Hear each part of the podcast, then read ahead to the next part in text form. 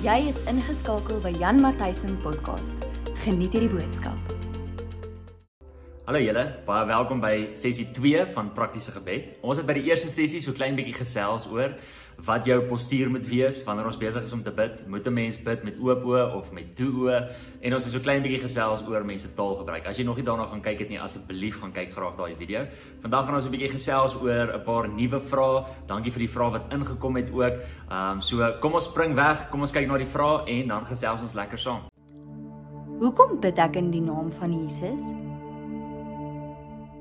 So dis vir ons ongelooflik belangrik om te weet dat ons bid deur Jesus as gevolg van 'n paar redes. Die eerste rede is Jesus het self gesê in Johannes 14 vers 6 dat hy die weg, die waarheid en die lewe is en dat niemand na die Vader toe kan kom behalwe deur hom nie. So die oomblik wanneer ons bid in die naam van Jesus, dan gee dit ons die reg om letterlik God te kan approach as gevolg van die feit dat ons deur sy naam bid. Dit is ook wat staan in Hebreërs 10, ek dink in vers 19 staan daar dat ons boldly met vrymoedigheid kan gaan binne in die allerheiligste in as gevolg van die bloed van Jesus. Daar's ook 'n amazing skrif in Johannes 16 wat sê dat as ons enige iets vra in die naam van Jesus, dan sal Vader dit vir ons gee.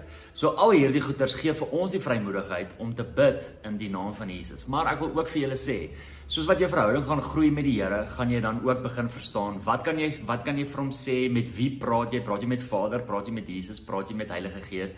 Die feit dat hulle 3 is en die feit dat hulle 1 is, is eintlik amazing.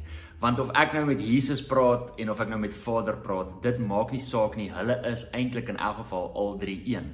Maar daar gebeur partykeer goedjies soos byvoorbeeld as ek op 'n plek is waar ek dalk iets nodig het dan gesels ek met my Vader. Gaan kyk na Lukas 11 vers 13 byvoorbeeld. As ek byvoorbeeld deurbraak wil hê, dan praat ek met Jesus want Jesus het vir my deurbraak gebring op die kruis. As ek byvoorbeeld openbaring wil hê, dan gesels ek met Heilige Gees want die woord van God sê dat die Heilige Gees die gees is van openbaring. Hoe werk die binnekamer konsep? So mens moet in jou binnekamer ingaan, maar jy hoef ook nie in jou binnekamer in te gaan nie. Kom ek verduidelik dit. Jesus kom in Matteus 6 vers 6 en hy sê dat ons in ons binnekamer ingaan en dat ons die deur moet toemaak die oomblik wanneer ons bid. So die binnekamer is 'n plek Maar die binnekamer is ook nie 'n plek nie. Geen my net die geleentheid om dit gou te verduidelik. In die eerste plek, ehm um, weet ons dat dit help vir ons om byvoorbeeld 'n plek in die huis te kry waar ek kan stil wees, waar ek weet niks my aandag gaan aftrek nie. So ek is nie op die plek waar my TV is nie, ek is nie waar die radio is nie. Ek is nie waar my foon is nie. Ek is letterlik op 'n plek waar niks my aandag aftrek nie. Dit is my binnekamer. Daai plek kan elke dag verskil. Vandag sit ek in my sitkamer, môre sit ek in my bed, ander dag sit ek in my studeerkamer en dan is dit my binnekamer. So dit hoef nie letterlik een plek te wees nie, maar dit kan ook een plek wees. Nou as ons binnekamer letterlik net 'n plek was, dan het die skrifgedeelte in 1 Tessalonisense 5 vers 17 ons gediskwalifiseer want daar staan bid gedurig. Nou dis onmoontlik om die heeltyd in ons binnekamer te wees as ons die heeltyd wil bid. So daar is ook kere wanneer ons nie in 'n binnekamer is nie waar ons tyd spandeer en met die Here gesels. Kom ek gee julle 'n voorbeeld. Ek het nou die dag kar gewas en terwyl ek kar gewas het, het ek met die Here gesels. Ek was so bewus gewees van hom dat ek vergeet het van waarmee ek besig is. Die kar is gewas en hy skoon, maar in my mind was ek net nie daar nie. Ek was besig om met die Here te gesels. En daar het hy vir my amazing openbaring gegee. So daai die Here met my gepraat. So die binnekamer is 'n plek, maar die binnekamer is ook nie 'n plek nie. Die belangrikste ding om te weet is dat jy letterlik jouself moet stil maak en moet keer dat daar enigiets is wat jou aandag aftrek. Is gebed 'n roeping?